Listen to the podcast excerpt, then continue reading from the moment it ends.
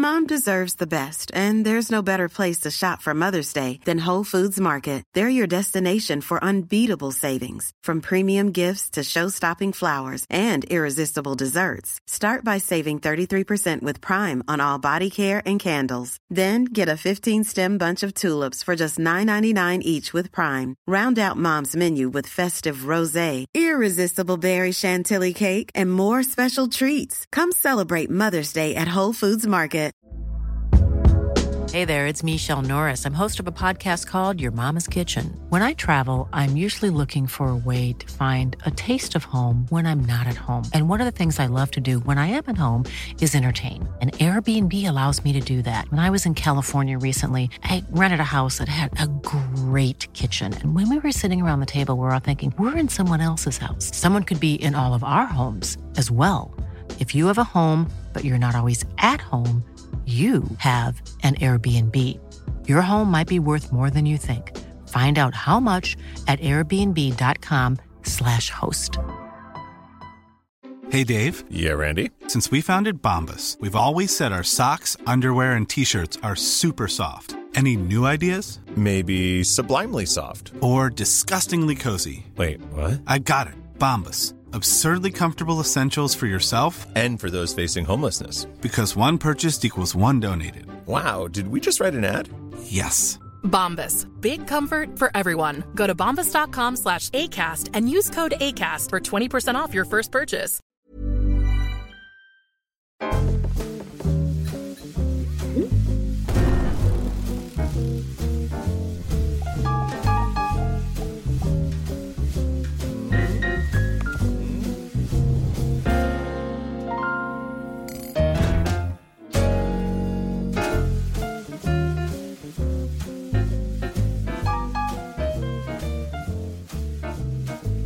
Ja, då ska ni känna er hjärtligt varmt välkomna tillbaka till Hockeylabbet Podcast. Eh, För tredje gången i ordningen så finns vi på plats för att eh, prata ishockey ur ett analytiskt perspektiv.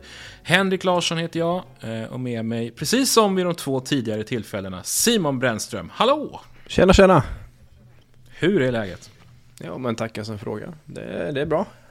Mm, inskolningsfest med förskolan. Eller förutom statistik och hockey. Finns det något annat än statistik och hockey? Det skulle vara det då i så fall. Eh, Ja, knappt. Inskolningsbonanza. Exakt. Ja men det finns väl inte så mycket annat. här. Inte i mitt liv i alla fall. Kanske låter måste finnas deppigt. lite saker vid sidan av hockeyn också. Ehm, vi har ju under de två första avsnitten gjort lite eh, spridda nedslag i Hockeysverige hos olika lag och spelare. Eh, den här gången blir det ett lite annorlunda upplägg. Eh, vi kommer att utifrån de siffror som Simon har analyserat att presentera en tänkbar sluttabell i SHL. Så samtliga lag kommer att behandlas under den här tiden som vi pratar hockey. Och eh, vi börjar bakifrån eh, bokstavsmässigt med ett Örebro som kom in i säsongen med en ny huvudtränare i form av Johan Hedberg. Svårt uppskriven och man inledde också mycket positivt poängmässigt eh, och var faktiskt uppe och vände i serieledning några omgångar in. Men sen planade den där formen ut ordentligt och mot slutet har det gått riktigt tungt och i helgen så fick eh, Hedberg slutligen sparken efter en eh, räcka eh, tyngre resultat. Och Simon, om vi startar då med att kika på Örebro. Vad är det för Örebrolag som vi har fått bevittna den här säsongen?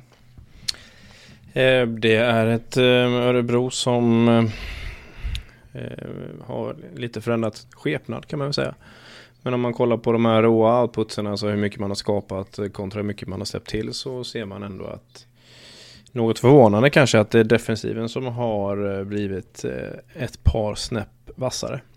Man känner väl kanske Örebro som ett väldigt eh, ramstarkt defensivt lag men kanske inte så mycket flärd och offensiv spets så att säga. Men det, det är så det ser ut att det ser lite bättre ut här mot i år än vad det gjorde tidigare. Men däremot offensiven har tagit något tack neråt också.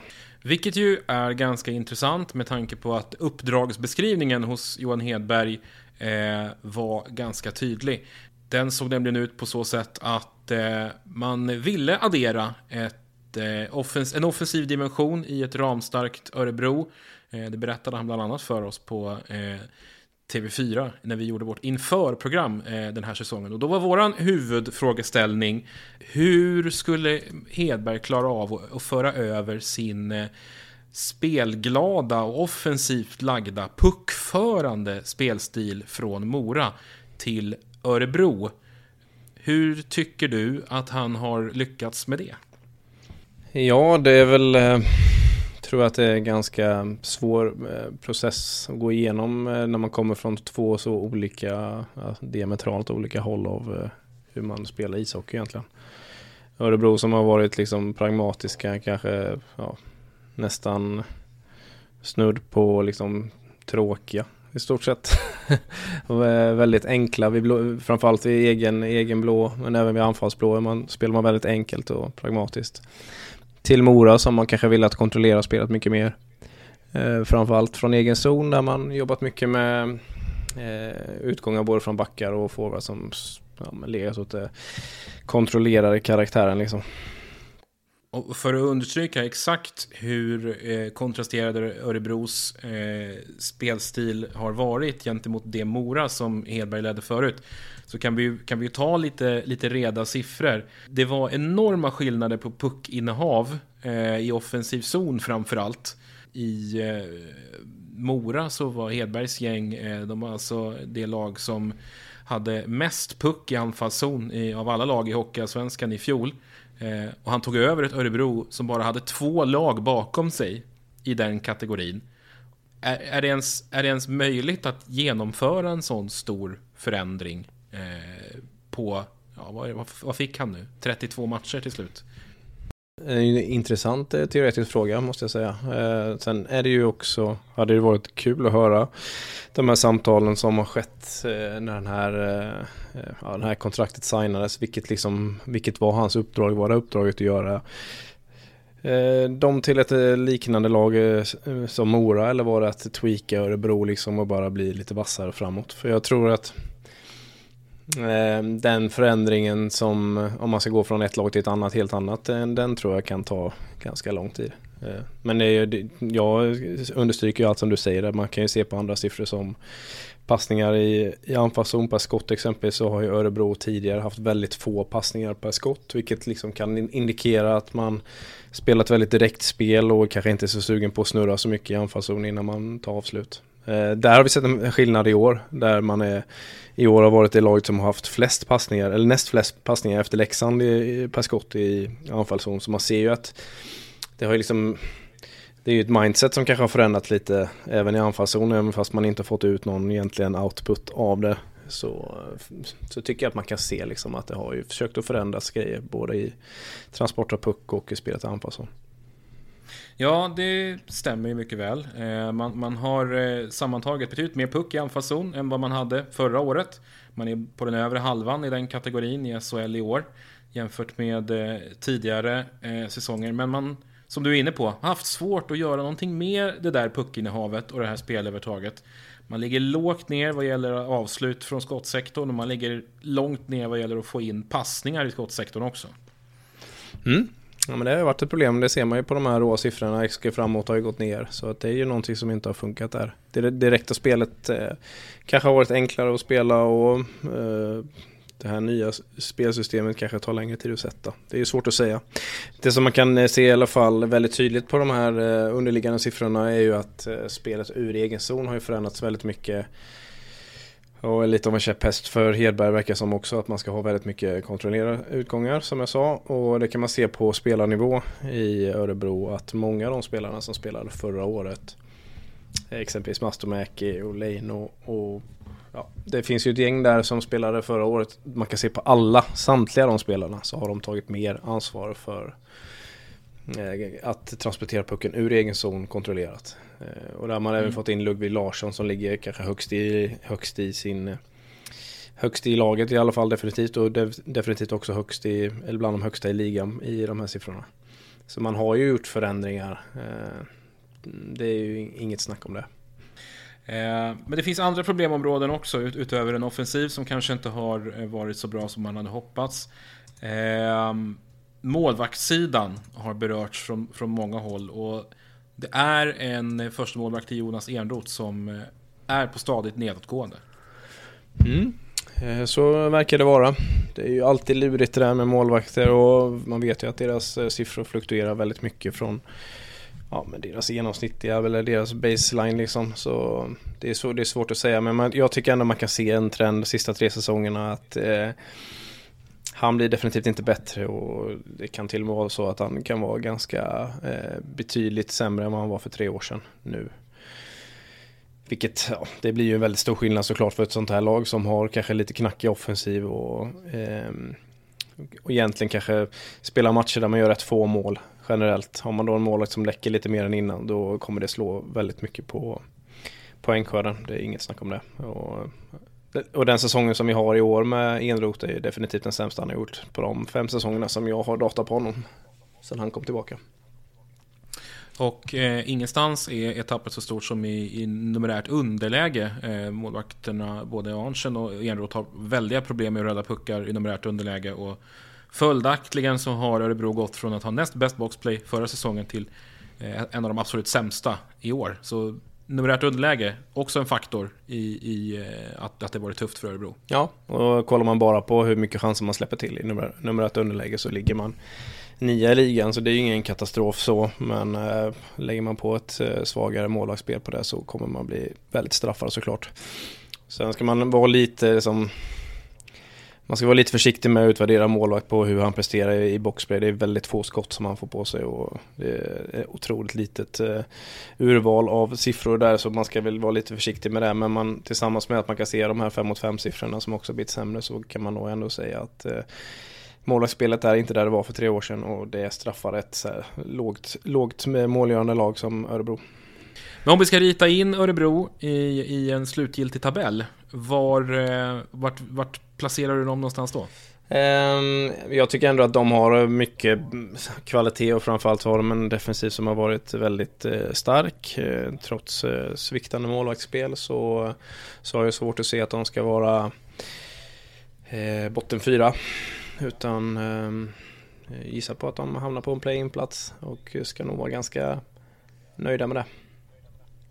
Play-in för Örebro alltså. Vi rör oss vidare eh, uppåt i bokstavsordningen. Hamnar då på Växjö. Vi pratade en del Växjö i eh, avsnitt två av Hockeylabbet. Eh, då med fokus på eh, Dylan McLaughlin som en liten juvel i eh, Växjös forwardsbesättning och Marcus Sylvegård som har en extremt stark säsong. Och det har även Växjö. Man har satt ner foten ordentligt här under veckan som har gått med storsegrar både mot Färjestad och inte minst mot Leksand. Och då är min fråga till dig Simon, hur eh, långt kan det räcka för Växjö den här säsongen? Ja men Växjö ser eh, alltid bra ut. Tråkigt att säga nästan varje år, varje år vid den här tidpunkten. Men om man ska försöka vara lite mer kritisk så kan man väl säga att vid den här tiden förra året så var de ju bäst i ligan i 5 mot 5 och där är de inte riktigt i år. Eh, stort sett alla kategorier har gått tillbaka lite grann. Um, så det finns ju fler utmanare skulle jag säga. Eh, och man kan liksom inte säga att de är någon eh, självklar favorit i år. Likt många andra säsonger. Eller olikt många andra säsonger tidigare då. Man, man pratar ju annars eh, lite mer om ett, om ett offensivt viktat Växjö och man har ju haft väldigt fin poängutdelning. Vi nämnde Sylvegård där, Kalle Kossila innan han gick sönder var ju en av SHLs absolut bästa poänggörare också. Och man har ju eh, förlorat tre väldigt viktiga defensiva kuggar i eh, Bengtsson, Koivisto och Häman Aktell. Hur märks det av i de underliggande siffrorna? Är det ett mer offensivt viktat Växjö i år?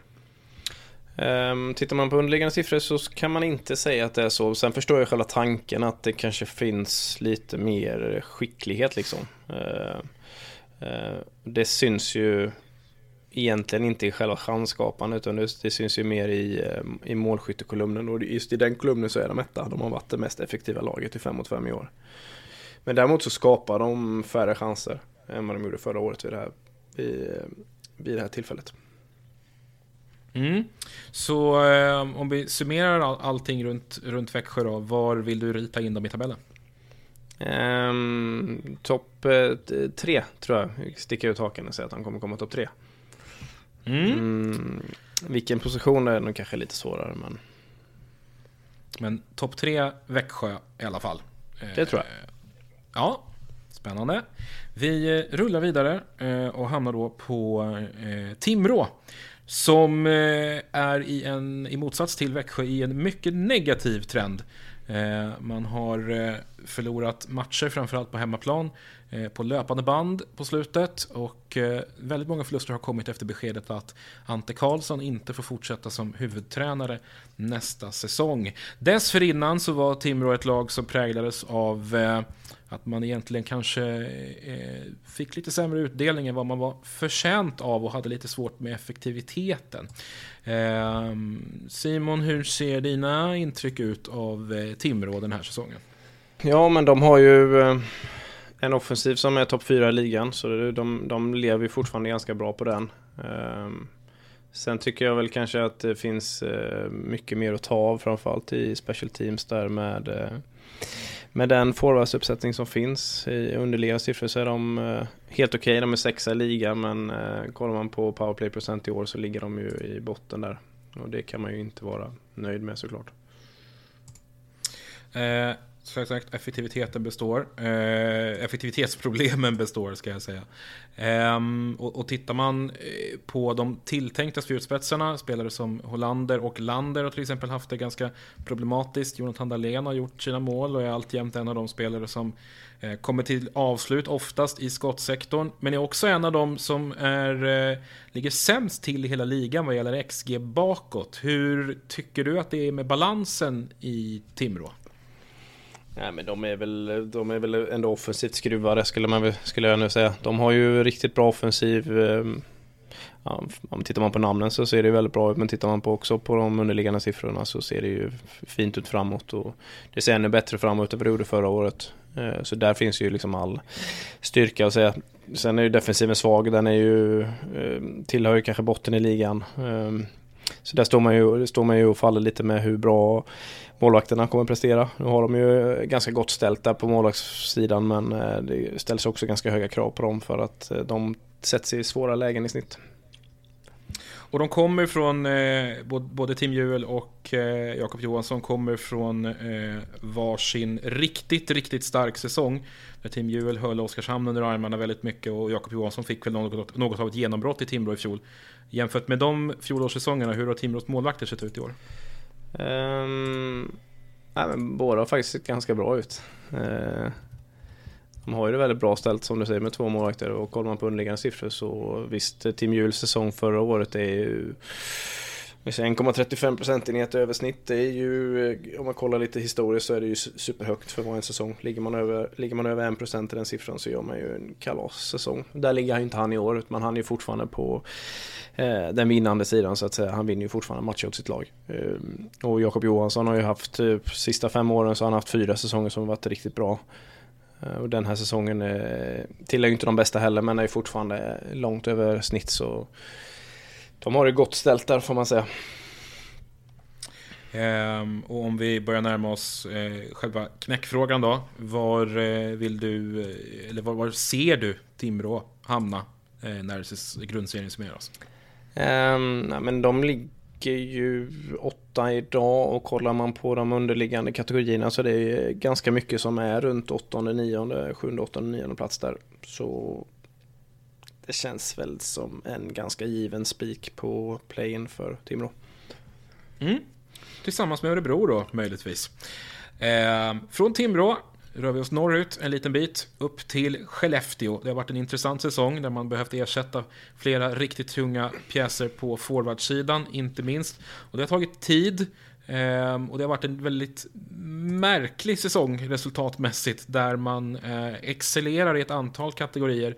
Men där vissa ser eh, betydligt sämre ut.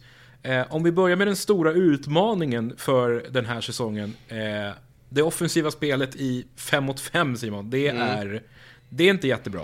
Nej, det är lite torrt krut i bössan kan man också säga. Det är, de är ju sist i ligan på effektivitetsfronten skapar liksom inte supermycket heller. De är åtta i ligan på skaparchanser så det är väl kanske ändå under det man kan förvänta sig det materialet som man har att tillgå. Ehm, eh, men att man eh, är sämst i ligan när det gäller effektivitet har ju straffat dem ett hårt och det är därför de de är ju inte, har, har ju inte varit än så länge, har ju inte varit ett vinnande lag i 5 mot 5 utan de släpper in mer mål än de, de gör i 5 mot 5. Men ändå ligger man i, eh, där man gör i ligan så det betyder att man gör något annat väldigt bra gissningsvis. Ja, och om, vi behöver inte, behöver inte ens gissa, vi kan tala om vad det är som man, som man gör väldigt bra. Det finns, det finns ju framförallt två aspekter. Den ena, ja, det, är väl, det är väl defensiven, eh, som ser riktigt bra ut. Mm. Det är första gången tror jag som, eh, som jag i alla fall har sett att de är före Växjö i eh, defensivkategorin. Så de etta i ligan där släpper till minst antal chanser och genomsnittschansen är ganska låg. Så där gör man saker och ting mycket bra. Ehm, och detta trots att man inte riktigt har fått samma hjälp av eh, Linus Söderström den här säsongen. Han var ju otroligt bra, en av SHLs absolut bästa målvakter i fjol. I år lite mer på par va? Ja, ligger runt average tror jag. Eh, förra säsongen var ju som sagt, det var väl eh, han och Larmi som var de eh, målvakterna som stack ut mest förra året i underliggande siffror. Även i eh, Eh, på tv så att säga. Men eh, han har väl inte riktigt lyckats leverera till de siffrorna och jag tror att det kanske inte är rimligt att anta att han ska ligga på den nivån heller på över tid. Men eh, jag tror ändå det finns mer att hämta därifrån. Eh, han har ju eh, ett historiskt fint snitt så eh, samtidigt så, så får han bra hjälp från försvaret nu. Det, Sett som sagt inte i sådär supersvåra lägen. Men man vill ändå ha en målvakt som lyckas rädda lite mer än vad, vad man eh, tycker att han borde göra. Så jag gissar på att han kommer eh, höja sig någon nivå. Mm. Och oavsett om han inte skulle göra det så finns det eh, en annan del i Skellefteås spel som gör, gör faktiskt laget till ett av de absolut bästa. Det är spelet i numerärt överläge. Man kommer närmast från Eh, seg förkrossande seger mot Linköping där man gör sex mål i powerplay. Och just powerplay-spelet, det är i, i särklass den här säsongen.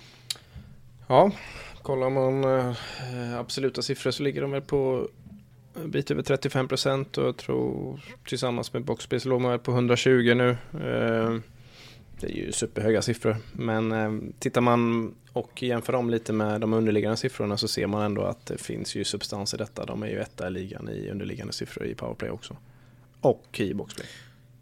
Ja, så ingen slump att, att, man, att man eh, är där man är i kraft av sina special teams helt mm, enkelt. Jo, lite slump är det.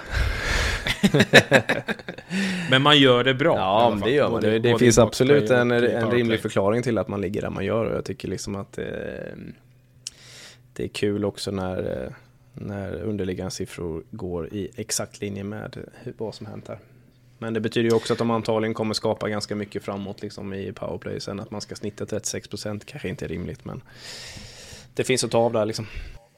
Det gör det och tittar man på XG på individnivå så är det sju av de åtta bästa spelarna i powerplay den här säsongen. De spelar i Skellefteå. Undantaget är Dennis Everberg i Rögle.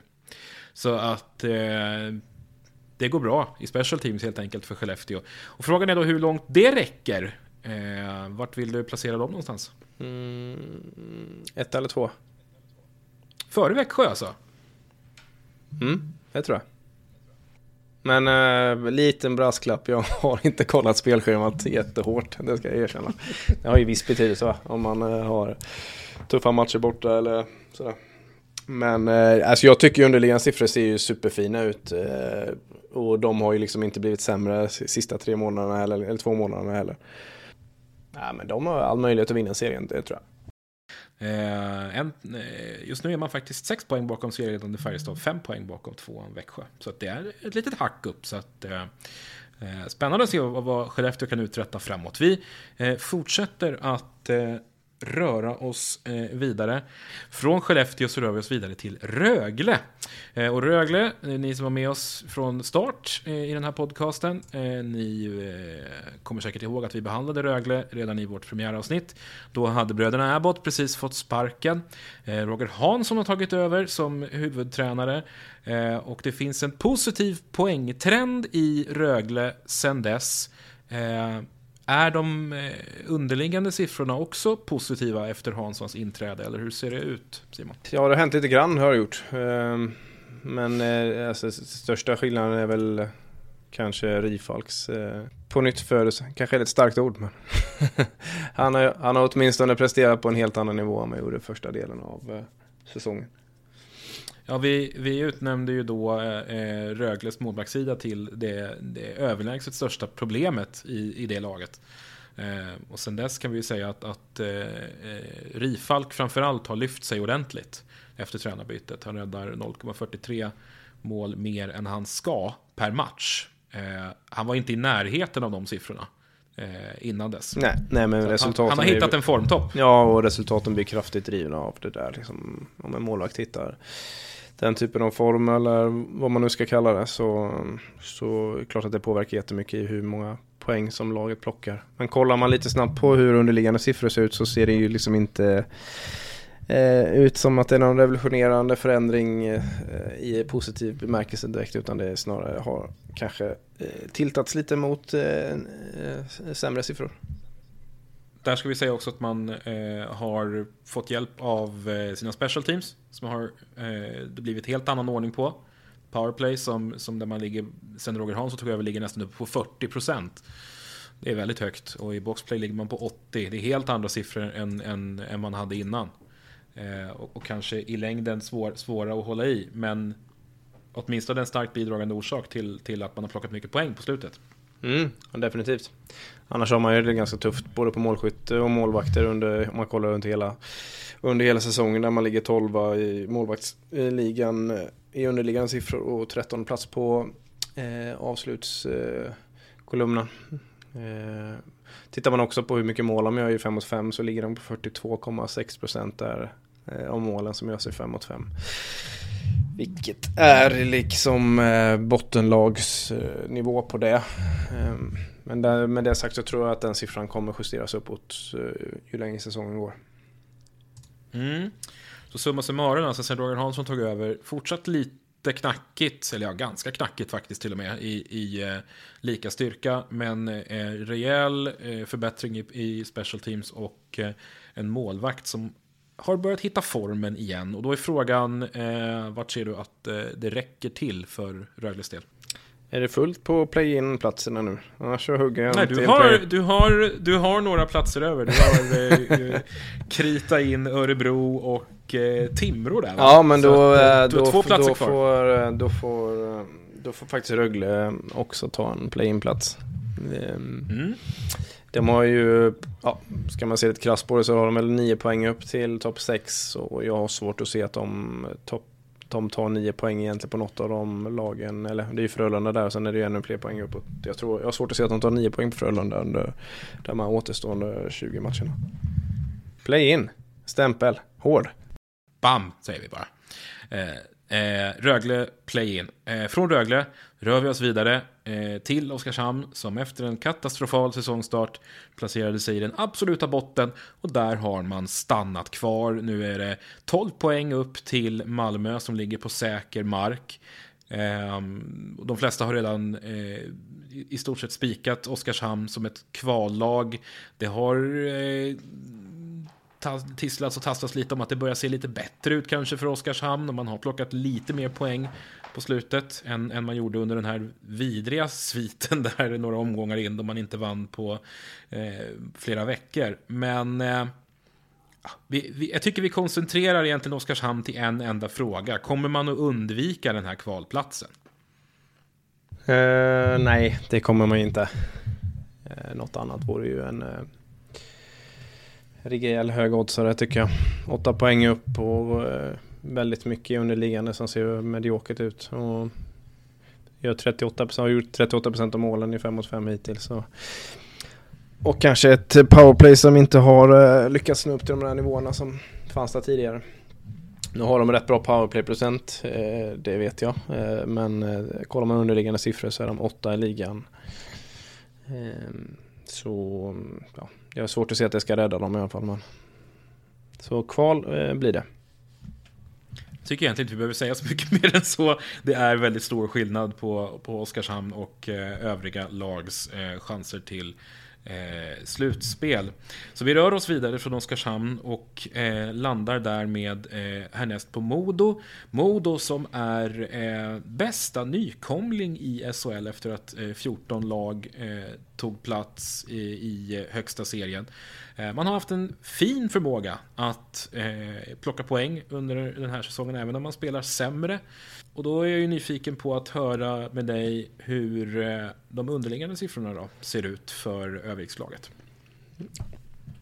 Jag tycker ändå de ser ganska bra ut, eh, alltså, med de värdena som man går in i säsongen med. Med mycket, med stort sett en stomme från, eller en hel trupp ifrån Hockeyallsvenskan som ska ta klivet tillsammans. så, så ser väl siffrorna ganska bra ut. Man hade kunnat förvänta sig att de skulle kanske kunna vara sist på de flesta kategorierna i, i, en, i en serie högre upp än där man spelade i förra året. Men så är det inte riktigt, även om eh, med det sagt så ändå vill jag säga att de tog nog eh, en hel drös med poäng fler än vad de eh, förtjänade inom situationstecken eh, första eh, 20 matcherna och lever väl lite på det fortfarande. Mm så det ser väl kanske lite ja, det är väl lite så här, varningsklocka runt framtida prestation och utfall. Eh, man har ju fått väldigt fin utdelning på individnivå. Josh Dickinson finns en del kategorier där han, där han de senaste månaderna inte minst har klivit fram som en av de bättre spelarna i ligan. Eh, men, men är den här individuella leveransen nog för Modo för att de ska undvika en kvalplats tror du? Ja, jag tror ändå att de undviker kvalplatsen. Det tror jag. Dels har de åtta poäng att gå på. Vilket är en hel del. Det, är liksom, det, det, det talar ju definitivt eh, emot de lagen som ligger under att de ska jaga. Eh, sen, sen prestationsmässigt så finns det liksom två eller tre andra lag som som är liksom i ungefär samma klass i underliggande siffror som Modo. Men eh, ja, jag väger nog över till Modo här på grund av att de har tagit här poängen de har gjort. Jag tror inte det blir play-in dock, utan det blir en elfte eller en tolfte plats. Du som annars är så glad i att peta in lag i play-in. Det blir en ingenmanslands eh, plats här. Alltså. Har vi plats i play-in? vi, har, vi har en, en eh, plats kvar, men vi har väldigt många lag kvar. Ah, okay. Att, eh, om jag var du skulle jag nog kunna ta det lite lugnt. Men, men det är du som är experten. Ja, men jag sparar. Jag sparar. Jag sparar eh, Ingenmansland på Modo. Eh, ska väl vara supernöjda med det tycker jag. Ja, det får man väl ändå säga med tanke på att man tippades ju tvärsist eh, inför den här säsongen. Ja. Och eh, där i stort sett att komma upp som nykomling i stort sett. Men har vi följt upp de där tippningarna någon gång eller? Hur, hur, har de, hur, hur är deras prediktionsmodell skulle jag vilja veta? Ja, vi, det får vi ta ett hit specialavsnitt. Hit rate. Jag vill ha en hit rate. nu har du en, nu har ju du en ja, det kommer gå. Eh, det kommer gå. Att, att följa upp. Det kommer gå som det gör. I slutet av säsongen. Det kommer, ja, det kommer gå man kommer få äta upp det man har gjort fel. Det, så är det. Nej, men du gör inga fel. Det här kommer bli kanon. Eh, Modo ingenmansland alltså. Eh, vi rör oss vidare eh, i ungefär samma härad av tabellen till Malmö. Som ju eh, startade säsongen positivt. Fick en väldig utdelning. Och eh, placerade sig ganska högt upp i, i, i tabellen några omgångar in. Men en på pappret ganska tunn trupp har blivit eh, väldigt skadepräglad.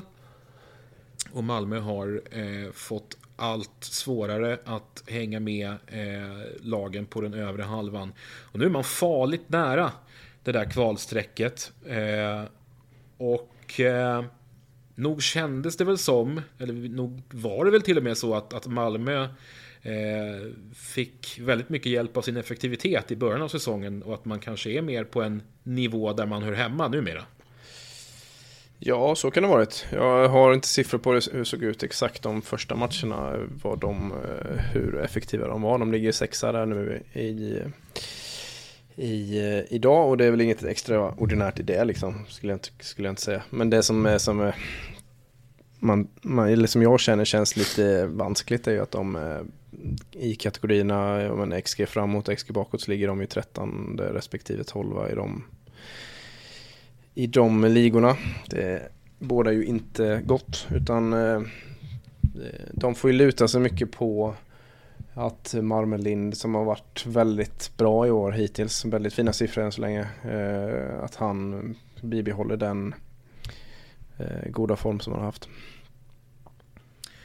Ja, det känns väl annars som att, som att Malmö är ett lag som, som lever ganska mycket på enskilda individers insatser. Eh, in, utöver Marmelin så har vi till exempel Janne Kåkanen som har presterat väldigt mycket offensivt också. Mm. Ja men jag håller, det håller jag med om. Det känns lite konstigt att säga det. De borde ju vara ett kollektiv liksom. Att det, det, som det är så vi har blivit vana vid att se ja, de senaste åren. Exakt. Eh, men som det ser ut nu så eh, har du nog helt rätt i det. Kollar man på exempelvis på boxplay-siffrorna så, eh, så ser det ju inte kul ut. Sist i ligan, under ligan är där. Um, tror de har ganska låga siffror i reella eller faktiska tal också. Mm. Och eh, li lite samma sak, samma tendens då som går igen i Modo då kanske. Att man, att man gjorde ett bra jobb inledningsvis och plockade åt sig en liksom, ganska bra kudde med poäng mm. i början av säsongen. Som mm. man nu verkligen behöver. Mm. Ja, men nu är det bara fyra poäng ner. Eh, med en match mer spelad tror jag. Eh, och då är frågan hur, eh, vad, vad, du eh, har dragit för slutsatser av de siffror vi har att tillgå gällande Malmö. Kommer man att undvika det här kvalet eh, eller inte? Nej, jag tror man får kvala höjdest. Men Så det pass alltså. kommer bli ett riktigt race. mm. Jag tycker väl att lagen där nere, alltså typ Modo, Malmö, HV, um, är ju lite samma skrot och kon typ. Inte riktigt någon ordning på det på, framförallt inte ordning på alla delar liksom. Och vissa lag har knappt ordning på någon del. Så det kommer ju bli ett race mellan dem. Eh, jag har ju aldrig känt att Rögle eller eh, Örebro liksom egentligen eh, jag har inte varit orolig, liksom som helt utomstående från att de ska klara sig undan det där racet till slut. Men de andra tre lagen tycker jag ändå är liksom, ja som jag sa, de är lite samma skrot och korn men Malmö alltså i eh, eh, kval eh, tillsammans i så fall med eh, Oskarshamn. Mm. Mom deserves the best and there's no better place to shop for Mother's Day than Whole Foods Market. They're your destination for unbeatable savings. From premium gifts to show-stopping flowers and irresistible desserts. Start by saving 33% with Prime on all body care and candles. Then get a 15-stem bunch of tulips for just $9.99 each with Prime. Round out Mom's menu with festive rosé, irresistible berry chantilly cake, and more special treats. Come celebrate Mother's Day at Whole Foods Market. Hey there, it's Michelle Norris. I'm host of a podcast called Your Mama's Kitchen. When I travel, I'm usually looking for a way to find a taste of home when I'm not at home. And one of the things I love to do when I am at home is entertain. And Airbnb allows me to do that. When I was in California recently, I rented a house that had a great kitchen. And when we were sitting around the table, we're all thinking, we're in someone else's house. Someone could be in all of our homes as well. If you have a home, but you're not always at home, you have an Airbnb. Your home might be worth more than you think. Find out how much at airbnb.com slash host. Med det så ska vi rulla vidare på nästa lag eh, som därmed blir Luleå. Och här tänkte vi stanna upp lite längre eh, och, och, peta lite i eh, ehm, lite fler saker än, än de övergripande faktorerna. För Luleå eh, placerar sig just nu precis i mitten av tabellen på sjunde plats. Men det har varit en lite stökig säsong. Mycket himmel och helvete. Man har haft perioder då man har sett ut som ett riktigt topplag. Och, men man har haft eh, Eh, flera riktiga dråpslag med tilltänkta nyckelspelare som inte har producerat och tilltänkta nyckelspelare som har försvunnit därifrån och tilltänkta nyckelspelare som inte har dykt upp överhuvudtaget och det knorras i supporterled framförallt. Man är helt enkelt inte nöjda med hur, eh, hur det ser ut i Luleå. Om vi börjar i de lite mer övergripande termerna Simon, nu är det ju trots allt det, är 13 poäng ner till en kvalplats eh, men, eh, och 7 poäng ner till ingenmansland. Mycket kraft av att Luleå har, har tagit några segrar här på slutet men ska man som Luleå-supporter behöva vara orolig för att missa ett slutspel? Nej, det tycker jag inte. Ehm, de är solitt mittenlag. Ehm, det, jag skulle förvåna mig otroligt mycket om de var utanför topp 10.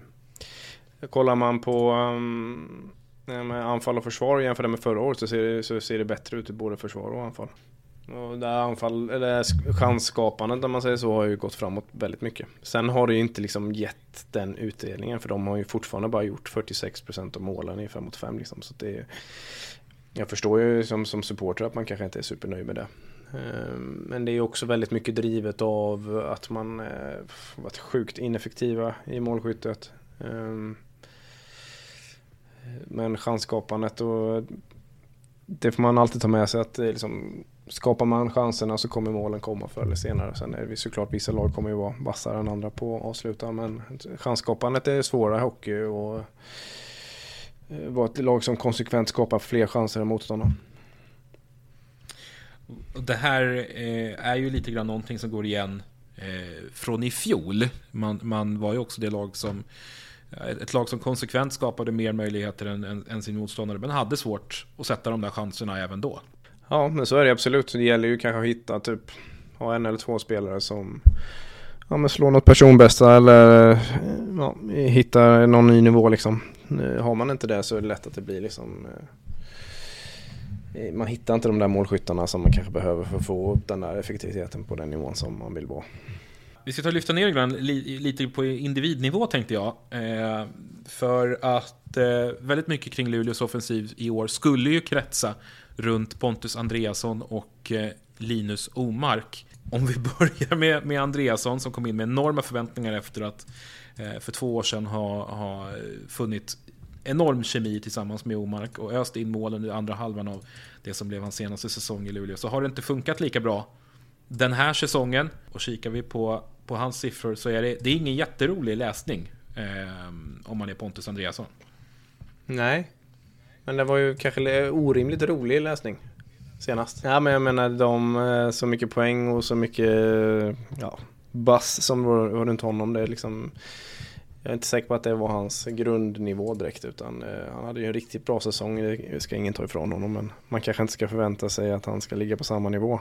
Och sänker man den förväntningsribban lite då Ja, då blir fortfarande säsongen i år väldigt medioker men den kanske ändå liksom eh, bli mer rimlig så att säga. Det, det verkade i alla fall som att, som att eh, även klubbledningen i Luleå hade den typen av förväntningar på Andreasson för han parades ihop med Omark mm. omedelbart och matades med passningar. Ja men det är ju rimligt, det tycker jag är eh. rimligt liksom. Det är också rimligt ja. Men, eh, men kanske, sen kanske inte ledningen ska ha de förväntningarna att han ska göra lika mycket poäng som han gjorde senast. För det är nog orimligt tror jag. Idén såg i alla fall ut som så att, att eh, Omark ger Andreasson pucken och eh, Andreasson skjuter. Eh, gärna direkt. Eh, så mycket som det bara går. Han var eh, den som sköt överlägset flest direktskott av alla forwards i SHL under både september och oktober. Och hade även enormt mycket skottförsök ifrån slottet. mest av alla. men hade svårt att få utdelning. och i takt med att, att målen inte har kommit så har de här skottförsöken uteblivit. Han har störtdykt i one-timers, han har störtdykt i skottförsök från slottet. Ligger fortfarande högt totalt sett, men månad för månad har han tappat allt mer. Eh, och det är helt enkelt beror på att Linus Omark har slutat passa till, till Andreasson. Tröttnat helt eh, enkelt. Ja men det verkar nästan så. För tittar vi på eh, eh, passningsförsök från Linus Omark. Det här är alltså, han har alltså varit den som har eh, försökt slå allra flest passningar in i slottet av eh, eh alla spelare i SHL egentligen. Den, en av de som har varit mest aktiva i den kategorin. Och när han, sta han startade säsongen med att, att skicka i stort sett var femte passning i offensiv zon in, in i slottet. Inte sällan då i Andreassons riktning. Men eh, nu i januari månad så är han nere på 14 procent ja. eh, av de totala passningarna som går in mot slottet. Och antalet passningsförsök har gått från 5,28 i september till 3,64. Det här är alltså spel lika styrka eh, per 20 spelade minuter. Så att det, det är inte en halvering, men det är alltså 40 procent av, av Omarks passningsförsök. De är borta borta. Ja, det är intressant. och det är bara hälften av, av, hälften av de rätta passningarna som går fram nu också. Ja. Så han, han verkar i stort sett ha gett upp det här. Ja. Eh, det, är, ja, det, det, är det är en intressant Jag vet tendens. inte riktigt om man går på, eh, kanske går på myten om sig själv där lite. Eh, för jag kollar hans, jag kollar hans stat nu, stats från 2021. Och kolla typ XG då på 20, hur mycket han skapade. Det ligger han ju mm, alltså på 50% percentilen. Alltså han är topp 50% i ligan på det. Mm. 2021 eller 2022 eh, och antalet skott så är det samma. Det är också så topp 50% i ligan. Det är liksom inte direkt. Det är inte topp topp det där. Det, det som man ligger i, längst ut i, i, i, sin radar är ju eh, poänggörandet. Det är liksom det som har stuckit ut. Um, kollar, man, kollar man i år så skapar han mer chanser. Han ligger alltså eh, topp 80% i XG20 och även skjuter mer då än vad han gjorde senast han var. Mm. Så det är intressant det där att det är liksom en uh, spelare som egentligen uh, sköt mindre och skapade mindre och gjorde extremt mycket poäng senast. Uh, och kanske tycker att man ska utnyttja sitt skott, skott ännu mer. Men egentligen så kanske han inte riktigt var på den nivån som han var det året. Det, är ju, alltså, det tycker jag är egentligen den mest rimliga förklaringen är att han hade ett år där han presterar på en nivå som inte är hållbar över tid. En säsong liksom är liksom ingenting i hockey och framförallt inte om man spelar med eh, kanske en av de bästa spelarna som har spelat i, i alla fall offensiv zon, som har spelat i ligan på väldigt länge. Om vi tittar på Luleå som helhet då. Eh, du sa det tidigt att eh, nej, Luleå kommer inte missa slutspel. Ska du ha ett lag till där i play-in? Är det så? Eller är det, är det en topp 6-placering på Luleå? Um, topp 6. Mm. Liten, eh, sticka ut den, bara nästippen lite. Ja, men det är ändå fyra poäng upp till eh, Luleå, eller för Luleå upp till en topp 6-placering. Och då, då är det närmast ett väldigt formstarkt Frölunda. Ja. Så, så att eh, ja, det, är, det är lite att sticka ut hakan. Ja. Det, det, kan jag ge dig. Um. Eh, vi, vi ska eh, i rask takt gå vidare med Leksand. Eh, Leksand var vi ju inne på och, och vred och vände på ganska mycket i det senaste avsnittet, ni som missade det. Eh, kolla in det tycker jag för att vi presenterade ganska spännande siffror eh, runt flera lite mindre kända spelare i Leksands truppen. Eh, nu kommer man ju närmast från en, en, vecka där det varit lite spelmässigt si och så. Men överlag, det är en extremt positiv säsong för Leksand och det är väl ganska mycket som ser rätt bra ut, eller hur? Ja, det är trenden eh, som vi sa lite senast vi pratade om Leksand är ju att eh, de blir bättre och bättre för varje år. Eh, och, nej, men det tycker jag det är mycket som ser bra ut. 5 mot 5 spelet är stabilt. Powerplay som vi är inne på är ju katastrof, men det finns väl ändå möjlighet att lyfta där kan man ju tycka. Med materialet man har ju ändå börjat få, börjat få lite utdelning i powerplay. Nu har man i alla fall gjort mål för första gången på, på ett par månader nästan. Eh, mm. Ett, ett, steg i rätt riktning om inte annat. Ja, mål är, mål är bra. det är det verkligen. Nej men det finns ju, där finns ju liksom saker och ting eh, att förbättra. Men kollar man 5 mot 5 spelet så är de ju ruggigt stabila och vinner ju ofta den matchen, den matchen väldigt ofta. Eh, så det finns mycket som talar för att Leksand kommer ha en rolig vår. Um, och då är frågan om man får en direktplats in i en kvartsfinal eller eh, om det blir play-in. Du har en plats kvar i play-in. Uh, men, men jag, gissar, jag gissar nu bara att, att du inte vill placera Leksand där. Nej, topp fyra. Topp fyra. Stänger vi topp fyra? Då stänger vi topp fyra eftersom att vi redan har, ja, det är väl ingen hemlighet att Färjestad är hemmahörande där uppe. Men fint så. Eh, och som sagt, vill ni höra mer om Leksand så rekommenderar vi avsnitt nummer två. Eh, vidare så med eh, Linköping. Eh, och det här är ett intressant lag och också ett av de lag som vi kommer att lägga lite mer tid på eh, i det här avsnittet.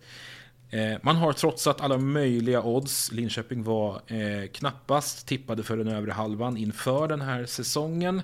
Men man har eh, gjort, eh, gjort ett år som har eh, trotsat de flesta förväntningar som fanns på laget. Eh, inte minst i offensiv riktning. Man har fått enorm utdelning eh, på sina nyckelspelare. Tyratti gör sitt livs säsong i eh, Europa och har hittat en fin parhäst i Remy Ellie. Värvningen av Anthony Greco har fallit väl ut. Men eh, allt är kanske inte riktigt så mycket frid och fröjd i Linköping som det verkar. Eller vad säger du Simon? Nej, defensiven är ju eh, faktiskt exakt lika dålig som den har varit. Eh, I alla fall förra året. Nu har jag inte kollat längre tillbaka än så. Men om man kollar utvecklingen för förra året så är det en eh, exakt samma utfall på prestationen där i defensiven. På två, Nästan på, nästan på, dec, på decimaler. ja, på två decimaler. På två decimaler. Ja, på nästan på tre Ja. decimaler faktiskt är det samma. Så drar man, eh, lägger man ut det här i en skatteplott så ser man liksom ett streck som går rakt. Väldigt rakt. eh, Uppåt Mm. liksom. Det beror ju på att offensiven har blivit väldigt mycket bättre. Men eh, defensiven ligger på exakt samma nivå. Men man har ju eh, Man har ju ett litet key i Cardi. Man har ju Man har ju en målvakt som har presterat Väldigt högt. Och målvaktsparet tillsammans är ju etta i ligan i år. Som kompenserar ganska mycket på liksom det här Ja, vad ska man säga? Medelmåttiga, eller knappt medelmåttiga försvaret. Ja, det, det är medelmått. Du är nästan snäll nu tycker jag.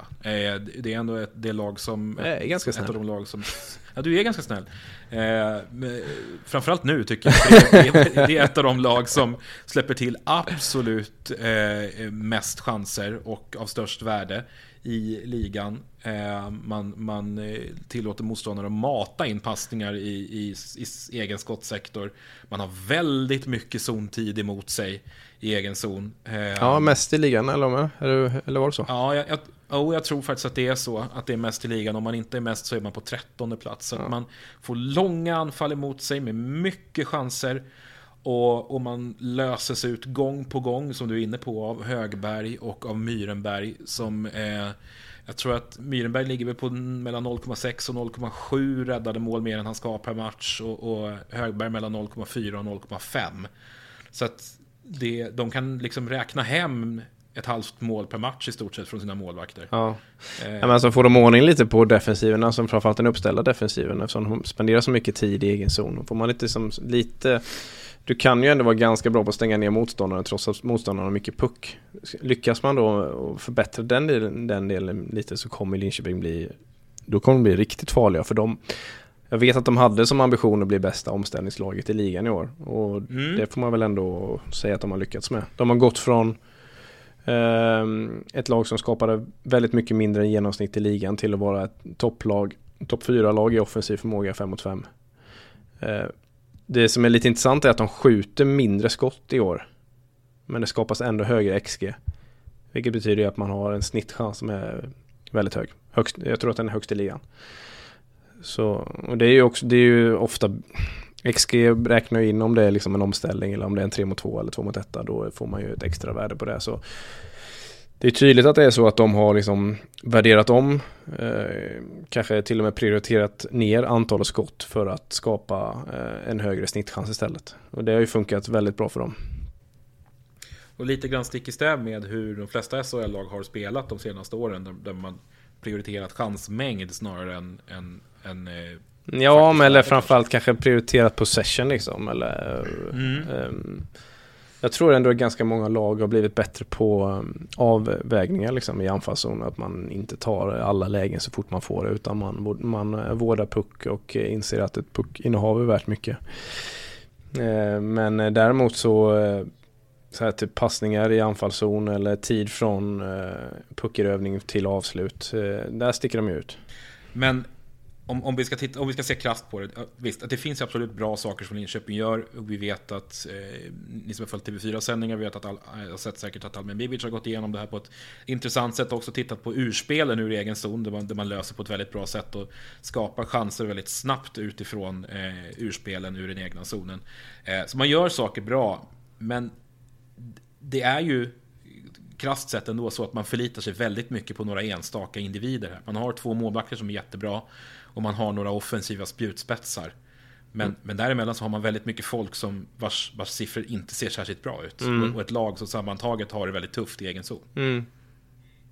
Ja, men jag tror att det vill till att man styr upp defensiven bättre. Alltså, tre- trenden är väl ändå positiv när det gäller defensiven liksom, under säsongen också.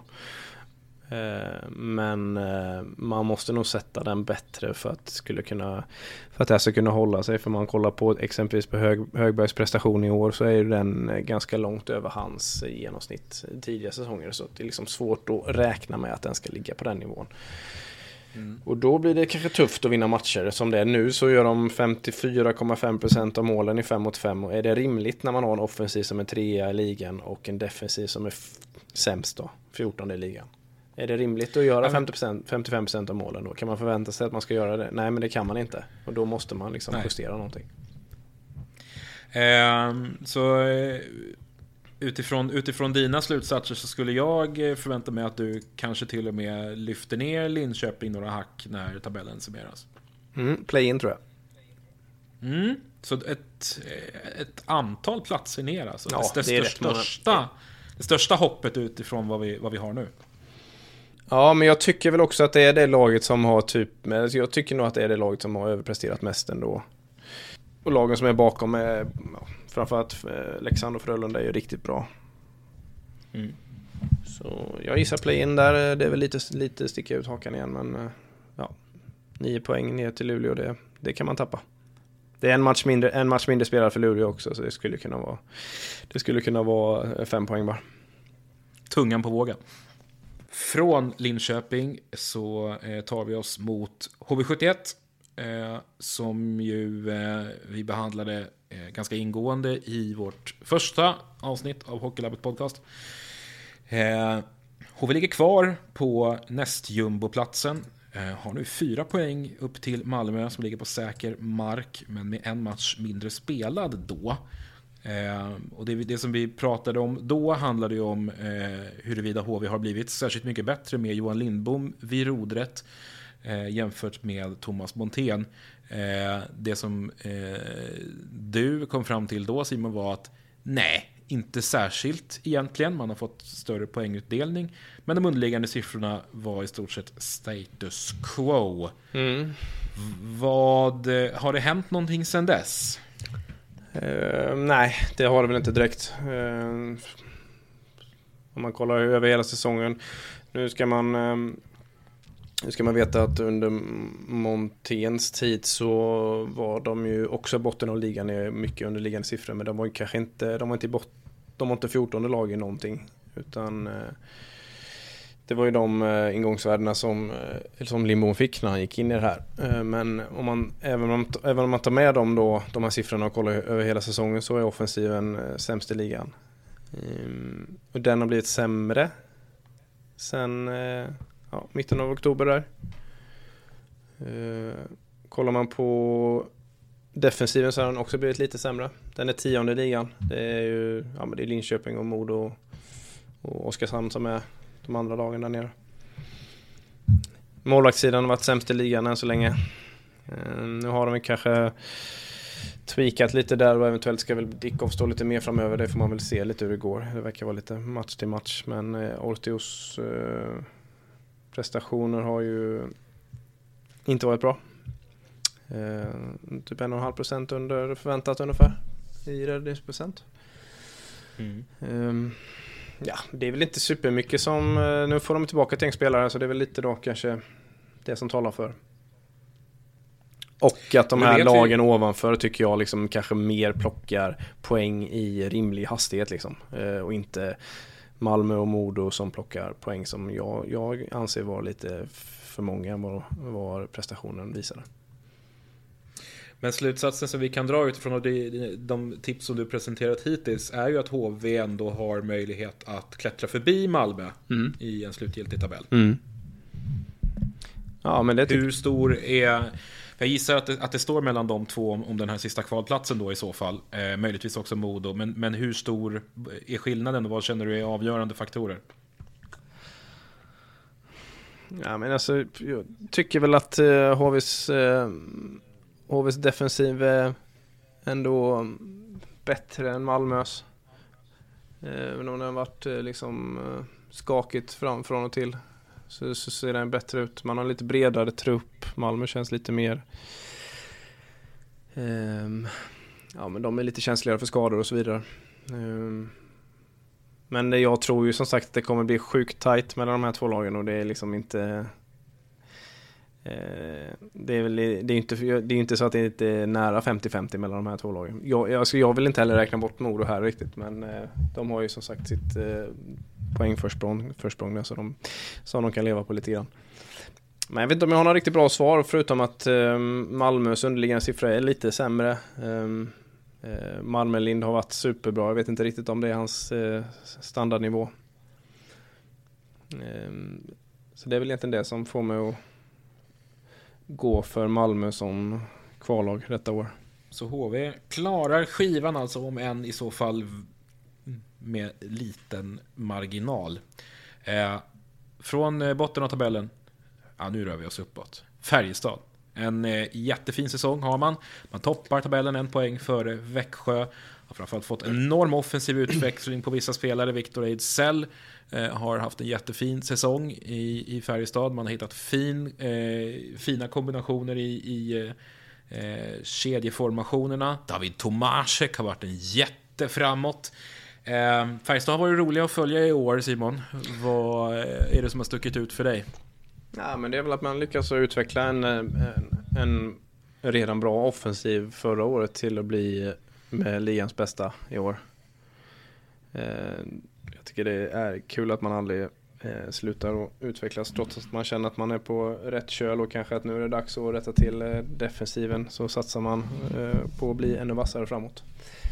Så de har ju blivit etta i ligan därifrån och var, var väl kanske på fjärde, femte plats eller någonting då, förra året.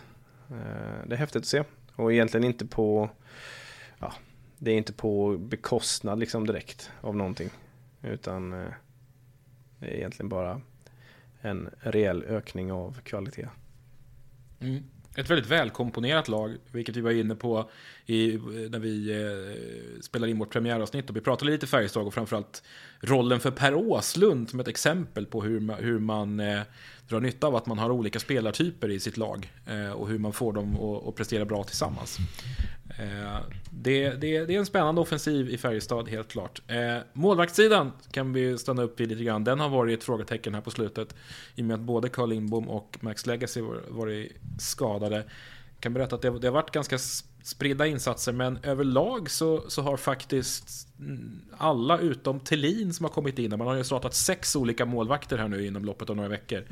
Eh, alla, alla de nya killarna utom Tellin har ju räddat mer än de ska. Mm. Så man har faktiskt kommit, ganska kommit, kommit undan med, med, trots alla de där problemen. Mm. Eh, och klarat sig helskinnande ur, ur det. Ser mm. det hållbart över sig, eh, på sikt. Eh, fenomenal debut av eh, Viktor Brattström också. Men eh, om man kollar på, på Lindbom och Legacy så har de ju väldigt fina siffror båda två där. Så ja, får de tillbaka någon. Nu vet jag inte hur skadesituationen ser ut riktigt. Det där, men... Nej, det där eh, det är höljt i dunkel. Det där är ingenting de eh, vill prata särskilt mycket om. Nej, men jag menar, skulle man få tillbaka någon av dem så, eh, så känns man, känner man sig ganska safe. Eh, onekligen, för det är mycket som ser bra ut i Färjestad. Eh, framförallt i offensiv riktning. Är det eh, grundseriesegrarna vi har i Färjestad? Mm, mm, mm. Ja, det är det väl det, tror jag. Mm. Lät jag övertygande eller? Nej, inte särskilt. men, men eh, i och med att du har eh, petat in Växjö som trea och eh, Skellefteå som eh, tvåa. Så, ja. Eh, eller topp top två åtminstone. Ja, exakt. Och, in, och inte, inte prickat in dem som, som eh, egentligen gett dem någon, någon, någon favorittippning. Så då, då kör jag uteslutningsmetoden. Ja, här, nej, men jag tycker det är mycket som ser bra ut. Eh, offensiven som sagt etta i ligan. Försvaret är väl fine i åtta. Eh, målvaktssidan ser bra ut. Det finns bra um, i eh, ja, målskyttssidan ser fin ut. De levererar generellt sett bra 5 mot 5. Ja, men siffrorna även i uh, special teams ser liksom Ja, det är väl kanske powerplay som har en uh, skulle kunna bli lite bättre. Mm. Men uh, boxplay ser ju fint ut. Så nej, men de, de känns tunga. Uh, tror att det är en god chans till att de slutar rätta när säsongen är slut. Även om det har varit lite dalande med poäng, med poänginkomst här på slutet. Jag säger inte emot. Eh, vi har ett lag kvar att prata om.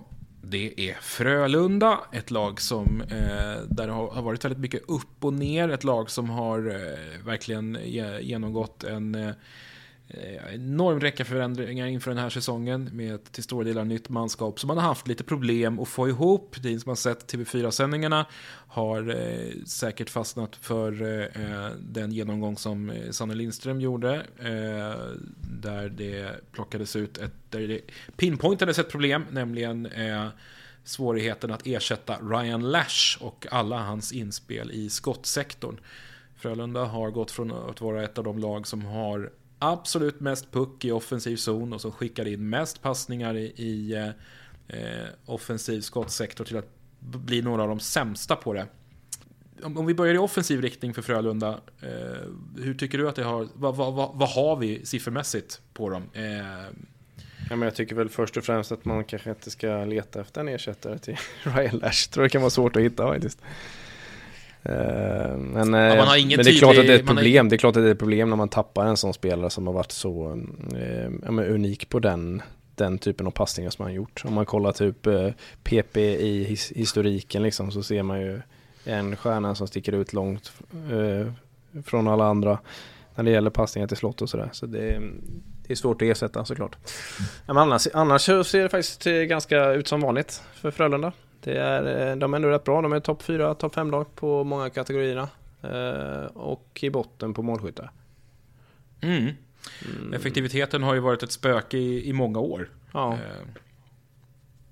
Men eh, ja, eh, det, ja, jag är inte riktigt eh, tillräckligt vass hockeymässigt tror jag för att avgöra. Men det känns ju som att det är eh, en viss typ av spelare som spelar Frölunda Hockey och de kanske inte är, de flesta är kanske inte eh, de med störst spetskompetens i, i avslutning. Liksom.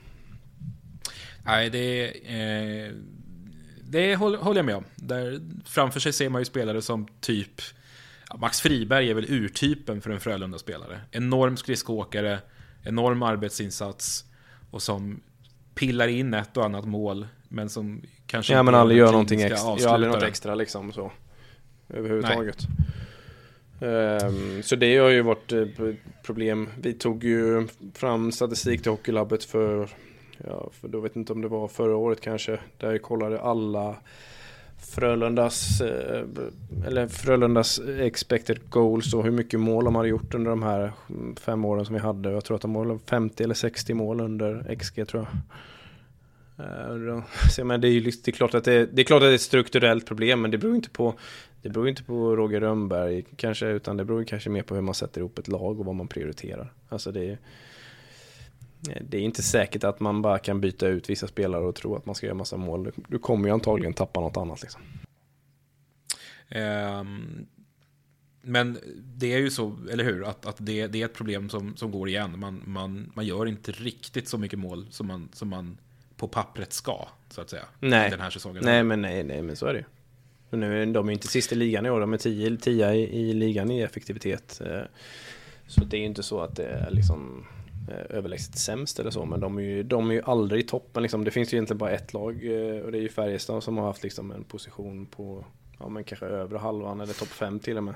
Alla andra lag liksom mm. går ju rätt mycket upp och ner i detta. Det beror ju mm. lite på vad man hittar, det är lite slump och det är lite annat. Liksom. Ja, det, det, vi kan säga i alla fall är att, att de eh, siffror som har varit riktigt svaga inledningsvis, de är inte alarmerande längre. Man har haft enormt hög turnover rate i, i eh, offensiv zon i början på eh, säsongen. I, eh, inte, inte minst till, till följd av att man inte lyckas sätta de här eh, passningarna eh, in, in mot slottet.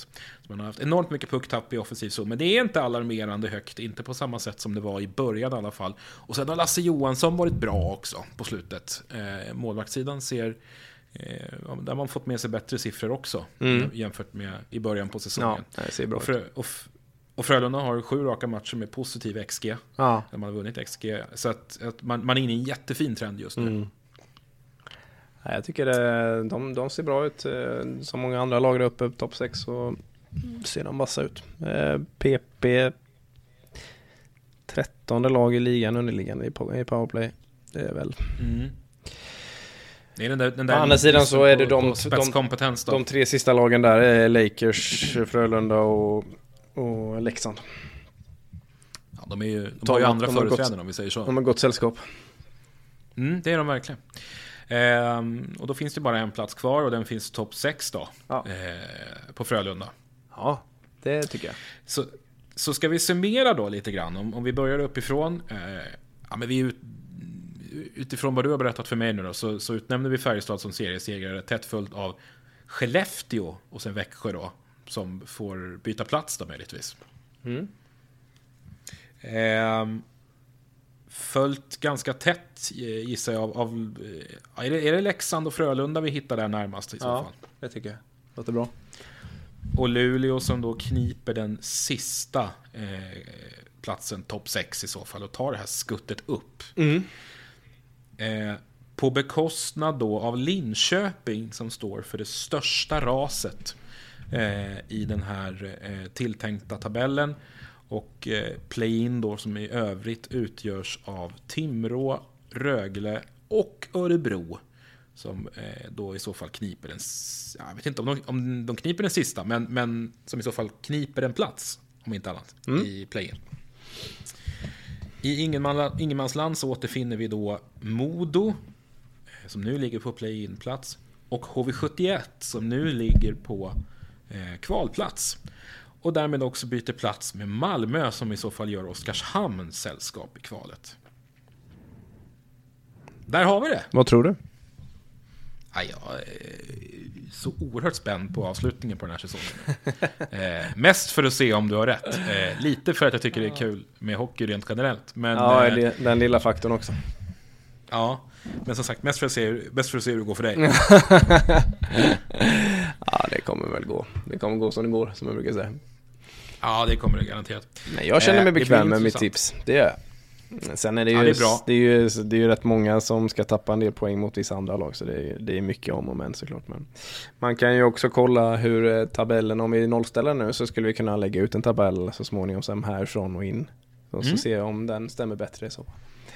Så skulle Det kunna tycker jag. Det ska vi definitivt göra. Och ni håller utkik på vårt Instagramkonto, Hockeylovetpod, där vi eh, skickar ut eh, lite siffror, grafer, plottar, kurvor. Sånt som har med eh, den här inspelningen att göra. Det kommer att dyka upp här de närmsta dagarna. Så missa inte det. Mer av oss får ni på våra respektive Twitterkonton. Där heter vi som vi heter. Henrik Larsson och Simon Brädström. Jag har inget mer att tillägga idag. Eh, känner vi oss färdigpratade för den här gången? Ja, men det, jag tycker nog faktiskt det. Det är hyggligt matig genomgång. Det tycker jag. Vi håller, klockar just nu in på eh, en bra bit över en timme. Ja, perfekt. Eh, så att eh, jag, tycker, jag tycker vi kan eh, se tillbaka på ett gott dagsverke här nu och eh, stänga boken för den här gången. Om två veckor, då är vi tillbaka igen med mer hockeyanalys. Väl mött då! Ja, vi hörs. Mom deserves the best, and there's no better place to shop for Mother's Day than Whole Foods Market. They're your destination for unbeatable savings, from premium gifts to show-stopping flowers and irresistible desserts. Start by saving 33% with Prime on all body care and candles. Then get a 15-stem bunch of tulips for just $9.99 each with Prime. Round out Mom's menu with festive rosé, irresistible berry chantilly cake, and more special treats. Come celebrate Mother's Day at Whole Foods Market.